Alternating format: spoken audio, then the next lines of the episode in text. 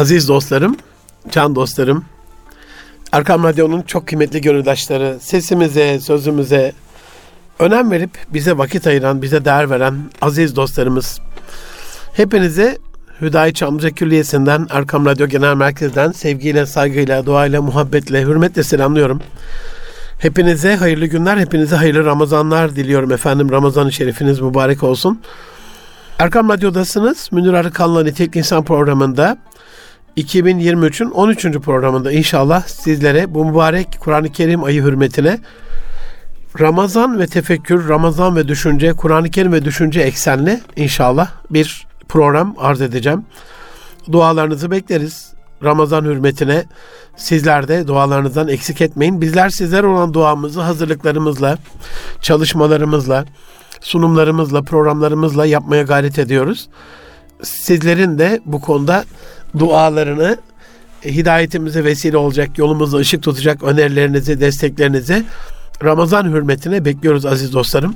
Hasreten bu Ramazan başlangıcında anne ve babacığını kaybeden bu dostunuza ee, anne ve babaları sağ olan dostlarımız bizim için bir anne baba duası alırsa, bizi izleyen, dinleyen anne babalar hasreten böyle bir evlat duası bize lütfederlerse minnettar oluruz efendim. Allah sağlık, sıhhat, afiyet, bolluk, bereket, huzur ihsan eylesin. Bu Ramazan vesilesiyle hidayetimizi, mağfiretimizi lütfeylesin. Ee, inşallah cehennemden halasımızı, kurtuluşumuzu Ramazan hürmetine bize lütfeylesin. Aziz dostlarım, Düşünce dediğimiz zaman ben acizane bir düşünce koçu kardeşiniz olarak düşünceyle alakalı birçok ayet-i kerimeler, Allah Resulü sallallahu aleyhi ve sellem Efendimiz'den birçok tavsiyeler olmasına rağmen kaliteli düşünceyle alakalı bugüne kadar ne kaliteli bir esere ne de düşüncenin ne olduğunu bize tam manasıyla açıklayan ve düşünce sistematiği getiren böyle nitelikli eserlere rastladım diyemeyeceğim. Elbette birkaç tane eser var doğudan ve batıdan ama onlar da sadre şifa olmaktan çok uzak da değiller ama e, sadece büyük ihtimalle çok fazla da şifa değiller. Çok ele alınan bir konu düşünce. Acizane ben düşünceyi düşünce düşünce değil düşmeden düşünce diye beşte düşünce felsefesiyle sistemize etmeye çalışan bir kardeşinizim. Yani illa bir derde düştükten sonra evlilikler çıkmaza girdikten sonra, başımız belaya girdikten sonra değil, koruyucu bir hekimlik olarak geliştirilmesi gereken bir koruma kalkanı olduğu fikrindeyim. Ama bir düşünce koçu olarak acizane ben de düşüncenin ne olduğunu daha şu ana kadar, şu yaşıma kadar anlayabilmiş değilim aziz dostlarım. Ama anlayabildiğim kadarıyla içerisinde salih amellerin olduğu, Allah'ımızın ilhamının olduğu olumlu manada, meleklerin kulağımıza üflediği iyilikler hatırlatmalar oldu. Olumsuz manada insin, cinnin ve şeytanların vesveseleri olduğu, bizi şerre çağıran, davet eden bütün olumsuzlukların, kötülüklerin düşüncenin kaynağında olduğunu ve bu dolayısıyla da bizim o olumsuz düşünceyle alakalı kötü yolda olmaklığımızın Allah muhafaza o yolun yolcusu olmaklığımızın da aklımıza gelen kötü düşüncelerde epey bir pay sahibi olduğunu söyleyebilirim. Can dostlarım Kur'an-ı Kerim'e baktığımız zaman Kur'an-ı Kerim bize beş tane temel düşünce kavramı ifade eder. Yani Rabbimiz açısından düşünceye baktığımız zaman bu beş çeşittir. Nedir bunlar? Kur'an'ı manada, Kur'an'ı sistematik içerisinde düşünce özellikle tefekkür olarak ele alınmıştır. Sonrasında tezekkür olarak Hani tefekkür dediğim zaman birazdan açıklayacağım ama fikir aklınıza gelsin. Tezekkür ikinci olarak zikir aklınıza gelsin. Tedebbür daha böyle sonuçlara, olayın arka yüzüne yönelik bir düşünce sistematiği. Dört numarada taakkül, akil, akıl aklınıza gelsin ve tefakkuh dediğimizde fıkh etmek aklınıza gelsin. Kur'an-ı Kerim insan düşüncesini bu beş sistematik, bu beş kalıp içerisinde ele alır. Ben acizane bu programı sizlere sunarken sizler anlatacağım her bir vakanın içerisinde acaba ben ne kadar kaliteli düşünüyorum? Acaba bir Kur'an ayı, Kur'an-ı Kerim ayı münasebetiyle düşünce sistematiğini biraz daha içselleştirip daha kaliteli bir düşünceye ulaşabilir miyim diye bir nefsi muhasebe yaparsanız inşallah programdan nasipdar olmanız daha fazla olacaktır aziz dostlarım. Can dostlarım, tefekkür dediğimiz şey bir şey hakkında iyice düşünmek, o işin sonucunu hesaplamak anlamında kullanılan bir terimdir. Kur'an-ı Kerim'de tefekkür anlamında fiil olarak 18 ayette geçen bu kavram düşünülmesini düşünülmesi gereken konular üzerinde tefekkürü teşvik etmiş ve bu tefekkürü yapan, fikredenler, bu şekilde düşünenler Allah'ımız tarafından övülmüştür. Yani buradan çıkartacağımız bir ders fikretmek anlamına Allah'ımızın özel lütfuna, övgüsüne mazhar olmak adına yapacağımız bir amel, bir feraiz olarak da aklımıza gelmesi lazım. Çünkü birazdan açıklayacağım şekliyle düşünce bir lüks değil, bir farzdır. Yapılması gereken bir farz bir ameldir Müslüman için. Canlar tefekkür fikretmek demek. Bir şey hakkında iyice düşünmek, bir işin sonucunu hesaplamak anlamındaki bu terim bize olaylar hakkında fikir sahibi olmayı emreder. Ama ilimsiz fikir olmaz. Eğer bilimsel bir konuda o bilimsel konunun hakkında detaylı bilgisi olmayan bir kişiyle sohbet edecek olsanız hani her taraftan dökülür. Konuya bir haberdarlığı, konuyla alakalı bir haber olması, olayların deruna vakıf olmaması, terminolojiyi bilmemesi o sohbeti sizin için çekilmez kılar. Aynen öyle. İlimsiz fikir olmadığına göre ilimsiz ders de çıkartılmaz.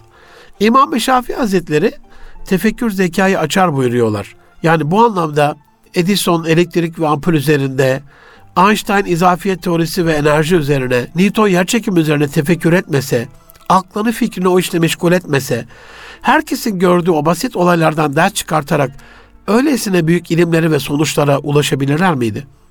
Tefekkürün, fikretmenin, fikir yoğunlaşmasının ne kadar önemli olduğunu anlamanız için size Ramazan hürmetine bir aile filmi önereyim. Lorenzo'nun Yağı TRT'de de bir dönem yayınlandı. Bir aile filmidir. Burada doktor olmayan bir anne babanın ailesi hastalığına düçar yavrularıyla alakalı. Hiçbir doktor bizim yavrumuzu bizden daha fazla sevemez önermesine yola çıkarak o sevgilerinin tezahürü olarak derinlemesine çocuklarının sağlığıyla alakalı iyice düşündüklerinde buna iyice odaklandıklarında Allah'ın onlara nasıl bir şifa kaynağı lütfettiğini, şifa vesilesini lütfettiğini ve bunun bir düşünce seansı esnasında olduğunu bu filmi izleyerek çok daha iyi anlayabiliriz. Aziz dostlarım, tefekkür Kur'ani terbiye içerisinde ya da anlatım içerisinde baktığımız zaman tabii ki Allahu alem Allah'ın kitabını Rabbimizden iyi kim bilebilir? Üstelik ben bir ilim adamı, bir bilim adamı, bir Kur'an'ı ilimlerle alakalı bir müfessir falan da değilim. Haddimizi de bilmek zorundayız. Ama sizlere güveniyorum. Yanlışımız varsa doğrultulacağımızdan emin olmanın özgüveniyle cahil cesareti çok olur derler. Affınıza sığınarak toparlayabildiğim kadarıyla bu bilgileri bir sistematik dahilinde sizlere vermeye gayret ediyorum aziz dostlarım. Araştırabildiğim kadarıyla Kur'an-ı Kerim'de tefekkür etmemiz, fikretmemiz, üzerinde yoğunlaşmamız gereken konular ayet-i kerimelerden anlıyoruz bunu. Rabbimizin verdiği ayet-i kerimelerden dokuz farklı çeşitte oluyor. Birincisi hayvanlar alemini tefekkür. Kur'an-ı Kerim'in hani biz Fatiha'dan sonra Bakara suresi diyoruz ama Bakara inek demek biliyorsunuz.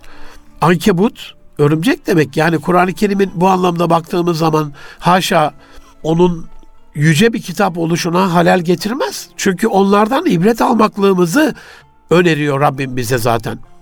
Hayvanları tefekkürden biyomimikri mühendisliği doğmuştur batıda. Mesela İslami, Kur'ani bilgiler ışığında baktığımız zaman terminolojik olarak, kronolojik olarak baktığımız zaman insan yaratıldığı aşamada ilk öğretmeni Allah'tır. İkinci öğretmeni meleklerdir, Cibril başta olmak üzere. Üçüncü öğretmeni o allemel Adem esma külle sırrınca Adem peygambere, Adem babamıza Esma'nın bütün isimleri bildirdikten sonra o da bir ilimle mücehez olduktan sonra Adem babamızdır zaten peygamber olmuştur. Cennetten kovulduktan sonra da o peygamberliği devam etmiştir.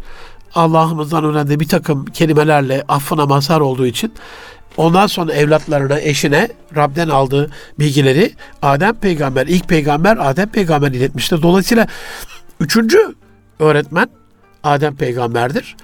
İnsanlığın dördüncü rehberi, öğretmeni bir hayvandır. Kur'ani bilgiler ışığında, Kur'an çerçevesi ışığında baktığımız zaman insanoğlunun kronolojik tarihsel süreçte bunu söylüyorum. Dördüncü öğretmeni bir hayvandır. Kabil Habil Aleyhisselam'ı öldürdüğünde, onun canına kastettiğinde ne yapacağını bilemez bir vaziyette onu omuzlarına alıp oraya buraya koşuşturduğunda ne yaptı? Rabbimiz ona bir karga gönderdi. Dolayısıyla Kur'an sistematiğinde insanlık aleminin dördüncü öğretmeni bir hayvandır. Febaasallahu raben Allah ona bir karga gönderdi. Yebahasu fil ardı yere yaşıyordu. Yurehu keyfe suvar yefsavet ahi. Kardeşin nasıl gömüleceğini ona göstermek için. Biz akledip, düşünüp, madem ki bir katil bile bunu aklederek yazıklar olsun bana bir karga kadar bile olamadım diye kardeşin o şekilde gömdüyse madem ki ta o günden insanlığın ilk cenazesinden bugüne İslami gömme şeklini kuş belli bir kargadan öğrendiysek acaba hayvanlar aleminde daha ne gibi sırlar vardır diye akletseydik şimdi bu bilim dalı bu biomimicry engineering dediğimiz biyomimikri mühendisliği bizim emrimizde olurdu.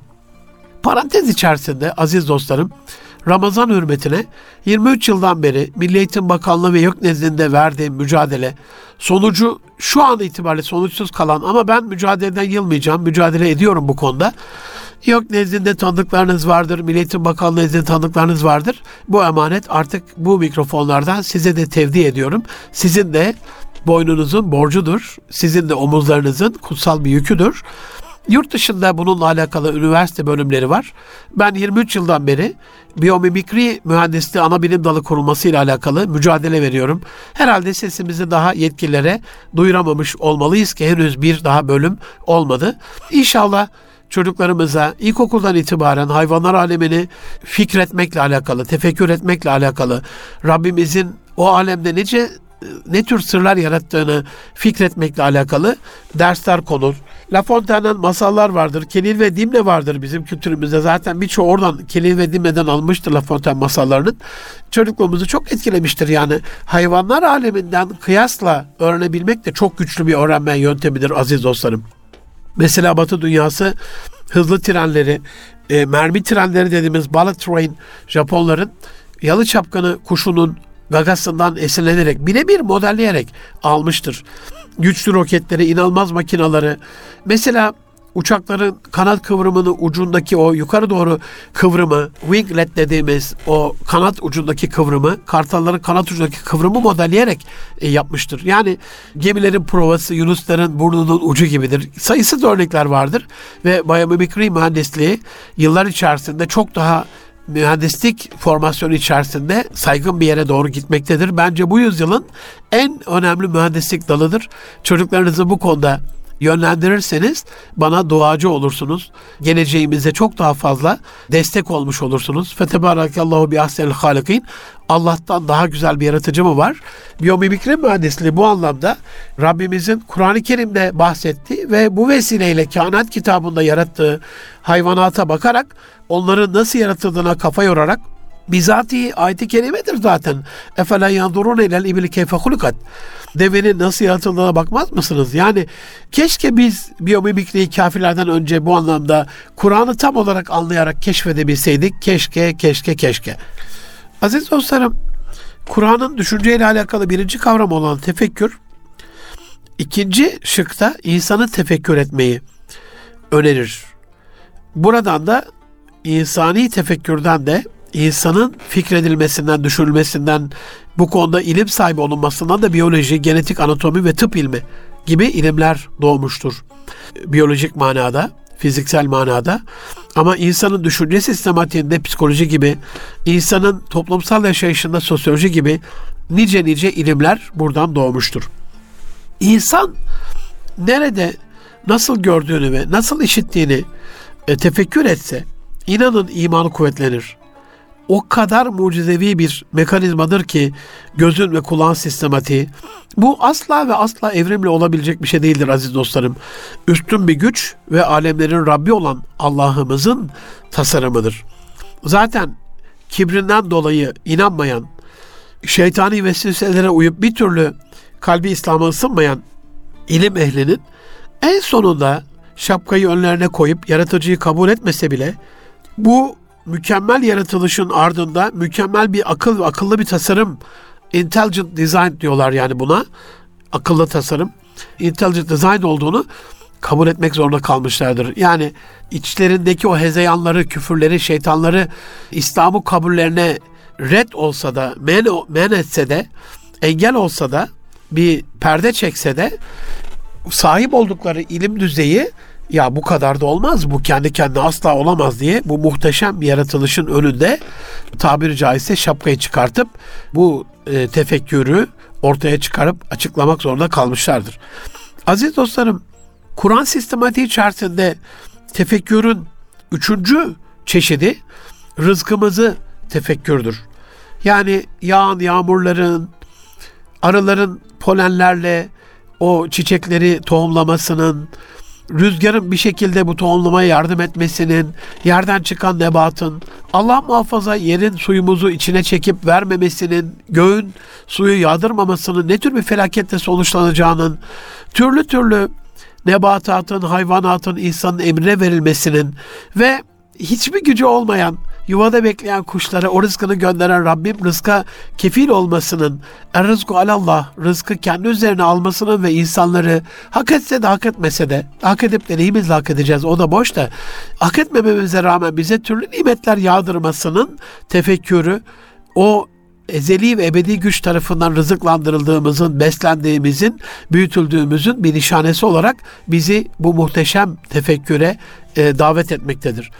Şöyle düşünün, Korona döneminde yaşadık bunu. Evlerimizdeydik. Bazı güzel hayır sahipleri evlerinden çıkamayan yaşlılara iyilik yaptılar. Onlara yiyecekler götürdüler. Onların ihtiyaçlarını gördüler. Aynen öyle. Hiç evimizden çıkamadığımız bir durumda her ay evimize belli bir erzakın özel bir koliyle ulaştırılıp bize gönderildiğini bir düşünün aziz dostlarım. Hiç merak etmez miyiz ya? Düğün değil, bayram değil. Bu kadar rızık bize nereden geliyor? Bunu acaba kim gönderiyor? Bankadaki hesap numaramıza baktığımızda hesabımıza her ay düzenli bir şekilde bazen de sürpriz şekilde beklenmedik rızıkların oraya yattığını, belli paraların yurt içine yurt dışından hesabımıza aktarıldığını gördüğümüzde hiç merak etmez miyiz acaba? Ya bu şahıs kimdir acaba? Bana bu parayı neden gönderiyor diye. İşte aynen öyle. Rabbimizin hadsiz, sebepsiz, nihayetsiz, sonsuz bir şekilde lütfundan, merhametinden, rahmetinden ortaya çıkan bu Rezak isminin tecellisinden ortaya çıkan bizim rızıklandırılmamızla helalinden, güzelinden, tayyip bir şekilde o rızka mazhar olmamızdan yola çıkarak bu rızık üzerinde tefekkür etmemiz lazım. Aziz dostlarım çok meşhurdur. Onlarca, yüzlerce vaka vardır. İş dünyasında harcayacak bir sürü parası olmasına rağmen yiyecek sağlığı saati olmadığı için ömrü perhizle geçen, Allah'ın verdiği o nimetleri yiyemeyen, Allah muhafaza sindirim sistemi problemiyle, tansiyon problemiyle, şeker problemiyle o rızkı yese bile türlü türlü hastalıklar onda ortaya çıktığı için sonucu çok kötü olduğu için o rızıkları yiyemeyen. Dolayısıyla hani yemesi bir lütuf, sindirmesi bir lütuf, ondan nemalanmak, ondan müstefit olmak, istifade etmek başka bir lütuf. E, dolayısıyla bu konuda bir tefekkür gerekiyor. Kur'an sistematiği içerisinde dördüncü tefekkür etmemiz gereken unsur kainatı tefekkür. Kainat kitabını hani farca il basar el turami futur çevir gözünü göğe bir bak bakalım onda bir yırtık bir kusur görecek misin? E, göz böyle çok böyle perişan bir şekilde tekrar kendine döner. Orada bir asla şey bulamaz, kusur bulamaz diye. Buradan da İslam alimleri ta Buhara'dan Maveran Nehrin öte tarafından Emevilere Kurtuba'ya, Endülüs'e kadar, Endülüs Emevi Devleti'ne kadar bütün İslam coğrafyasında rasathanelerin olması, büyük İslam mütefekkirlerinin kainatın yaratılışını tefekkür ederek bu işte rasat ilmini, astronomi ilmini Ulu Bey'in, Ali Kuşçu'nun, Biruni'nin bu konuda önder olması, rehber olması, hatta matematikle İslam alemlerinin bu kadar haşır neşir olmasının yegane sebebi bu tarz ayet-i kerimelerdir. Bize kainatı tefekkür etmemiz gereken, tefekkür etmemizi emreden ayet-i kerimelerdir. Buradan da uzay ilmi, astronomi ilmi, roket ilmi, son dönemde planetary resources dediğimiz gezegenler arası madencilik ilmi doğmuştur. Uzay madenciliği ilmi doğmuştur. Aziz dostlarım, beşinci tefekkür sistematiği Kur'an-ı Kerim'de suyu tefekkür etmektir. İnsan bir atımlık sudan yaratılmadı mı? Sizin üzerinize o yağmurları, yağmur dolu bulutları, karları doluları gönderen Rabbimiz değil mi? Yeryüzünden türlü türlü sıcağıyla soğuyla buz gibi ya da sımsıcak fışkıran sularını size bir şifa kaynağı olarak yapmadı mı Rabbim? Dolayısıyla insanın hem bir atımlık spermden yaratılmış olması, bir damla sudan yaratılmış olması, hem vücudunun %75'inin su olması, hem dünyamızın %75'inin su olması, hem de Allah'ımızın arşının su üzerinde olması ve her şeyin sudan yaratılmış olduğunu beyanı, suyun Allah indinde çok önemli bir yere sahip olduğunu ve bu konuda yaşamın ana kaynağı olması hasebiyle de onun üzerinde tefekkür etmemiz gerektiğini ifade eder. Bu anlamda buradan da suyla uğraşan su ilmi hem hidroelektrikle alakalı sudan mütevellit su gücünü kullanarak sudan elektrik üretmeyle alakalı hem de suyun yaşamsal kaynağıyla alakalı farklı farklı ilimler doğmuş oldu.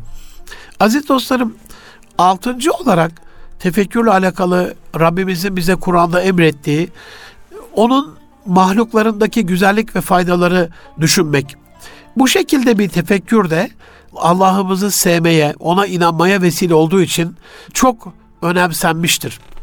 Yarattığı bütün mahlukattaki özellikle mesela Âmentu billahi ve melaiketi diye hemen ikinci sırada melekleri saymamız o ulu meleklerin Allah katında ulu ulu makamları olmasından mülhem onlara olan imanımızı e, hatırlatması gerekir bize. Ve arşın etrafında tavaf ederek bize Allah'tan istiğfar dileyen, Allah'ım sana inananları affet, bağışla, onları cehennem azabından kurtar diye bizim için dua eden melekleri düşünerek, o meleklerin Rabbimiz önünde saf saf dizilip ona secdesini, ibadetini düşünmek, o meleklerin farklı farklı görevleri Allah'ın izniyle ifa ettiğini düşünmek, meleklerden itibaren Rabbimizin cinler alemi var, şeytanlar alemi var, ins var, e, insanlar alemi var, hayvanlar alemi var. 18 bin alem diye bahsedilir. Türlü türlü mahlukatın güzelliğini, yaratılış gayesini düşünmek, faydalarını düşünmek, zararlı olanların zararlarından nasıl kurtulabileceğimizi, şerli olanların şerlerinden nasıl bertaraf olacağımızı düşünmek de bir Kur'ani tefekkür sistematiğidir. Aziz dostlarım, yedinci maddede tefekkürün yedinci çeşidi Rabbimizin vaat ettiği sevapları düşünmek. Bu da ibadet yapmamıza vesile olur. The power of imagination diyor Batılılar buna. İmajinasyonun, imgelemenin, hayalinde canlandırmanın, görsel olarak tasavvur etmenin gücü diyebiliriz buna. Dolayısıyla Rabbimiz hani sabahın e, zor bir vaktinde kalkıp namaz kılmak zor olabilir ama ona vereceği sevapları düşündüğümüzde o ibadeti daha kolay bir şekilde yapmamız nasip olur. Vaat ettiği sevapları, türlü türlü sevapları düşünmek ibadet aşkımızı, şevkimizi artıracaktır. Sekizinci maddede Rabbimizin Kur'an-ı Kerim'de bildirdiği, Resulullah sallallahu aleyhi ve sellem vesilesiyle açıkladığı azapları düşünmek de özellikle azap ayetlerini, gazap ayetlerini düşünmek, Rabbimizin cemal sıfatlarının yanında celal sıfatlarına da odaklanarak esmasını anlamaya gayret etmek, ondan korkmaya, ondan layıkıyla çekinmeye, kötülük etmemeye, günahtan kaçmaya ve takvaya, ittikaya vesile olur aziz dostlarım.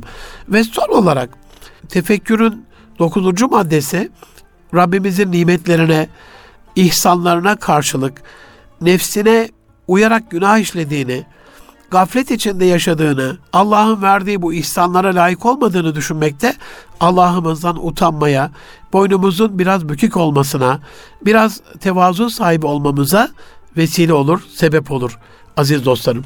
Bütün bunların layıkıyla olabilmesi için bizim Kur'ani, İslami ilim sahibi olmamız, okumalarımızı çoğaltmamız, bir Kur'an-ı Kerim ayında daha çok Kur'an-ı Kerim ve tefsirli ve hadis-i şeriflerle hemhal olmamızdan mümkün olacaktır. Yoksa kuru kuraya e, bu ilimsiz tefekkürlerin bir kısır döngü ve girdap olmaktan başka bir şeyi olmayacaktır. Derinlemesine zaten araştırmamızla alakalı Rabbimizin sadece tefekkür değil, tezekkürü, tedebbürü, teakkülü ve tefakkühü bize emretmesi boş yere olmasa gerek. Kur'an-ı Kerim'in düşünce sistematiğinde iki numarada Rabbimizin bize emrettiği, bize tavsiye ettiği, üzerimize direkt olarak farz kıldığı tezekkür, zihnin sebepler üzerinde yoğunlaşması halidir. Tezekkür, zikir, hani kimi zikrederiz, kimi anarız. Bu anlamda geçmişe yöneliktir. Bir hatırlama eksenli ibadettir. Bir anlamda derin bağlantı kurma, derin düşünce sistematiği, e, connecting the dots diyorlar buna. Batılılar noktaları birleştirebilmek. Hani küçükken böyle nokta nokta üzerinde numaralar olan böyle acayip bir şey olurdu. Birden başlayarak yüze kadar gittiğinizde çizgileri birleştirdiğinizde işte connecting dot o noktaları birleştirmek. Bu bir tavşana, bir eve, bir arabaya, bir uçağa dönüşürdü. Aynen öyle. Zihnin bu sebepler üzerinde geçmişe yönelik bugünden başlayarak ben nerede yanlış yaptım, nerede hata yaptım, nerede doğru yaptım, bu nasıldı, geçmiş kavimlerin hayatı nasıldı, onlar ne yaptılar, sonucu ne oldu diye geçmişin noktalarını birleştirerek bundan ibret alma. Unutan insanın hatırlamasını sağlayan, zihinde hıfz edilmiş bilginin kalple hatırlanması ve dille telaffuz edilmesini ortaya koyan derin bir düşüncedir tezekkür.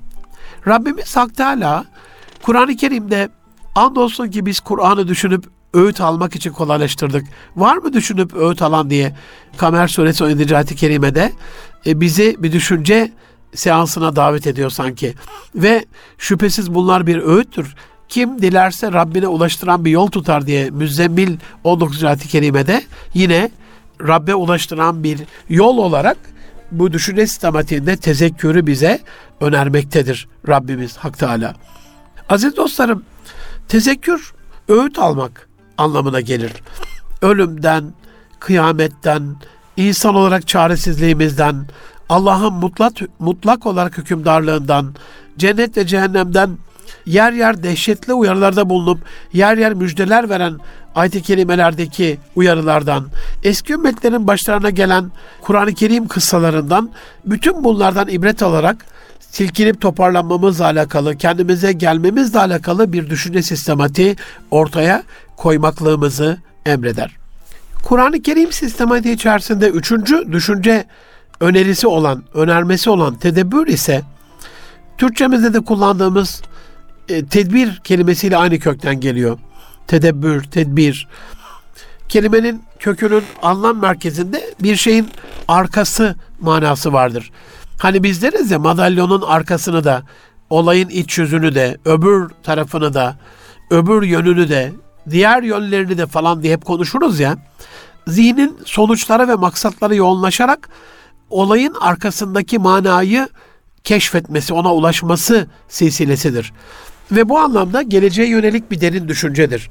Yani biraz fütüristik de bir kavramdır. Ya ben böyle böyle yaparsam acaba bunda beni bekleyen riskler nelerdir? Hani SWOT analizleri yapıyoruz ya bizim güçlü yönlerimize devam edersek bizi bekleyen fırsatlar nelerdir? Ya da bizim zayıf yönlerimize devam edersek bizi bekleyen tehditler nelerdir? Aynen öyle.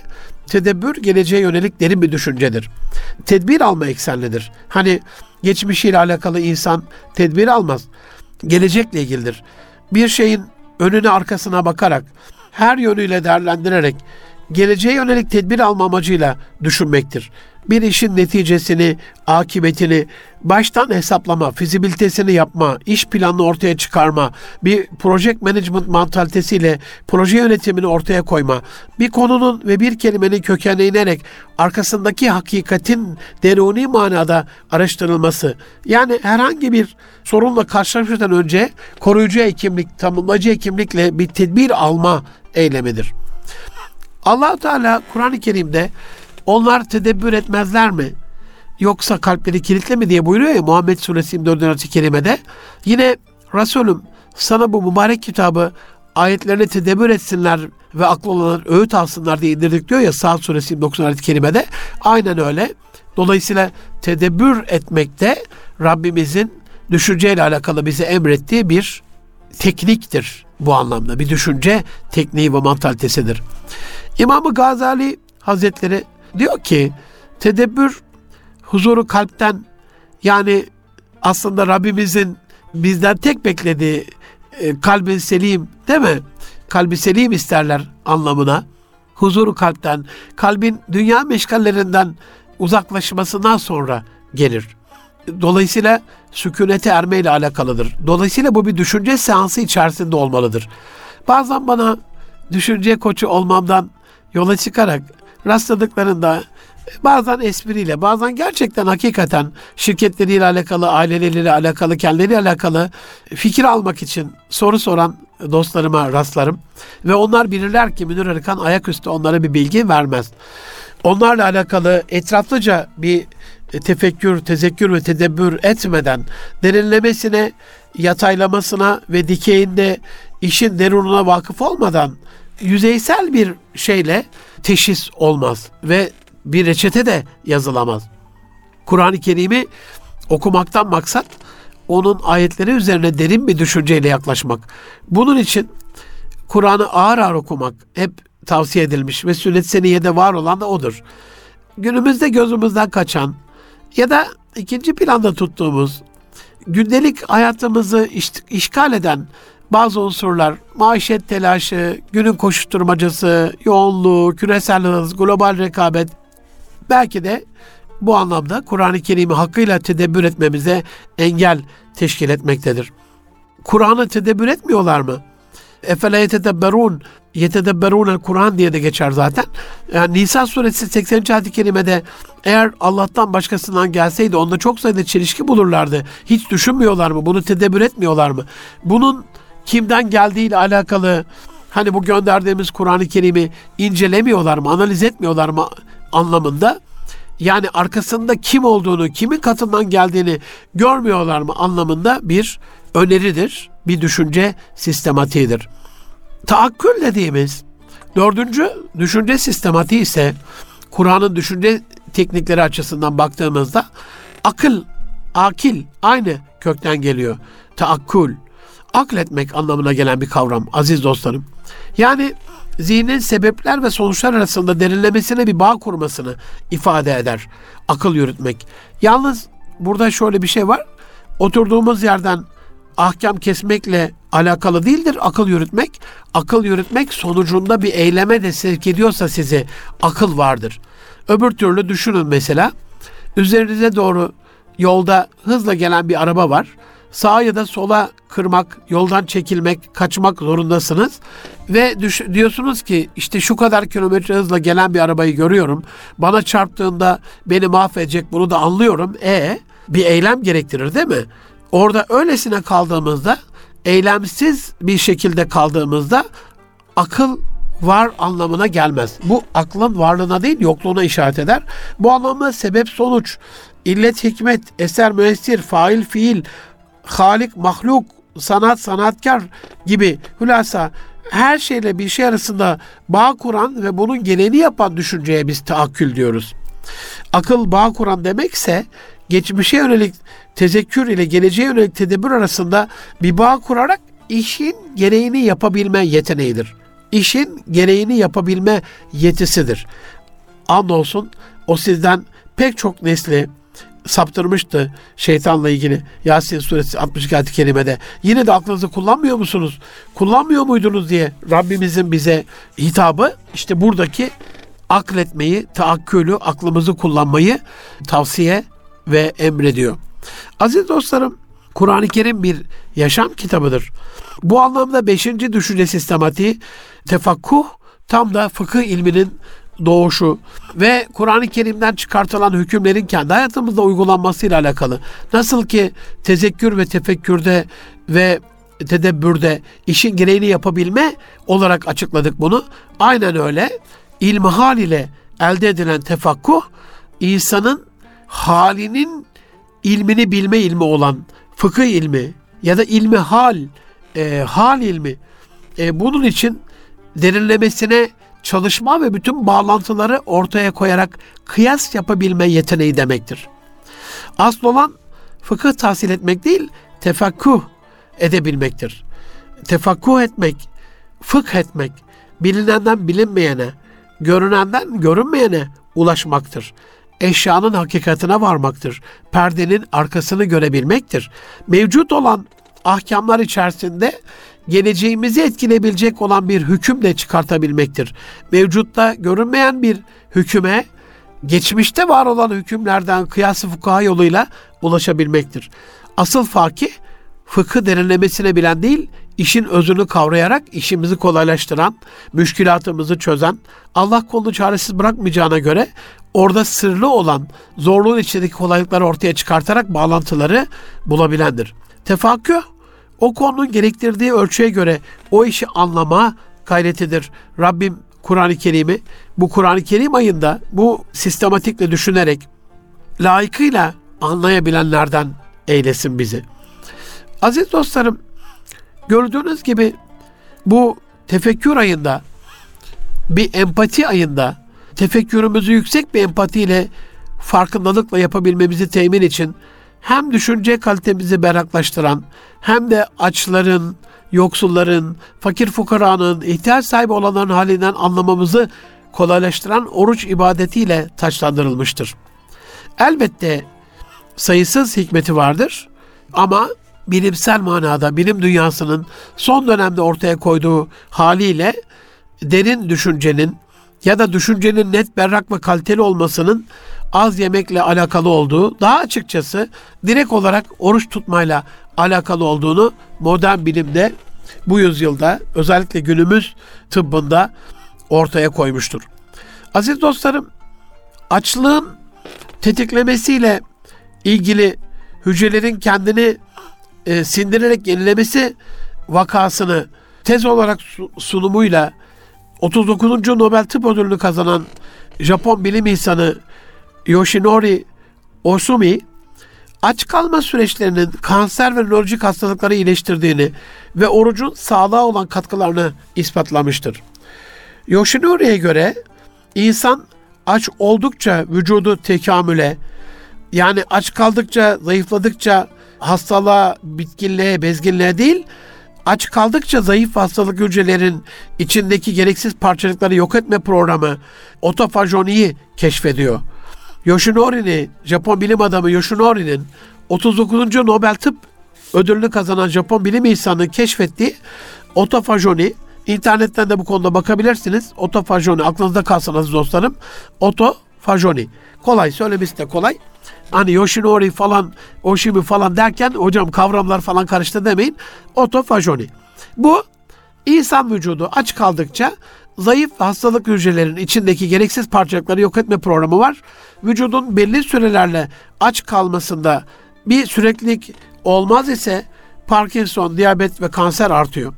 Ve Yoshinori'ye göre, Japon bilim insanı Yoshinori'ye göre yılda bir ay aç kalmanın harikulade bir tasarım olduğunu söyleyebilirim diyor.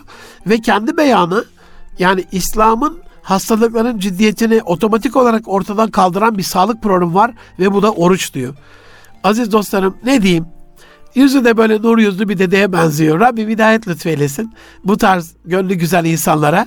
İnşallah bu insanın üzerindeki bu tefekkürü e, tedebbüre ve tezekküre de dönüşerek taakkül ile sonuçlansın ve aklederek yaratıcının bu güzel tasarımını, bu Fetebarakallahu bi ahsenil halikin şeklindeki muhteşem mükemmel tasarımını idrak ederek İslam'la müşerref olmasını bir Ramazan duası olarak gıyabında kendisi için yapalım. Sizler de amin deyin inşallah. Aziz dostlarım bu açlıkla alakalı insanın aç kalmasıyla alakalı ikinci bir e, Japon bilim insanı daha var. E, Jikei Tıp Fakültesi öğretim üyesi.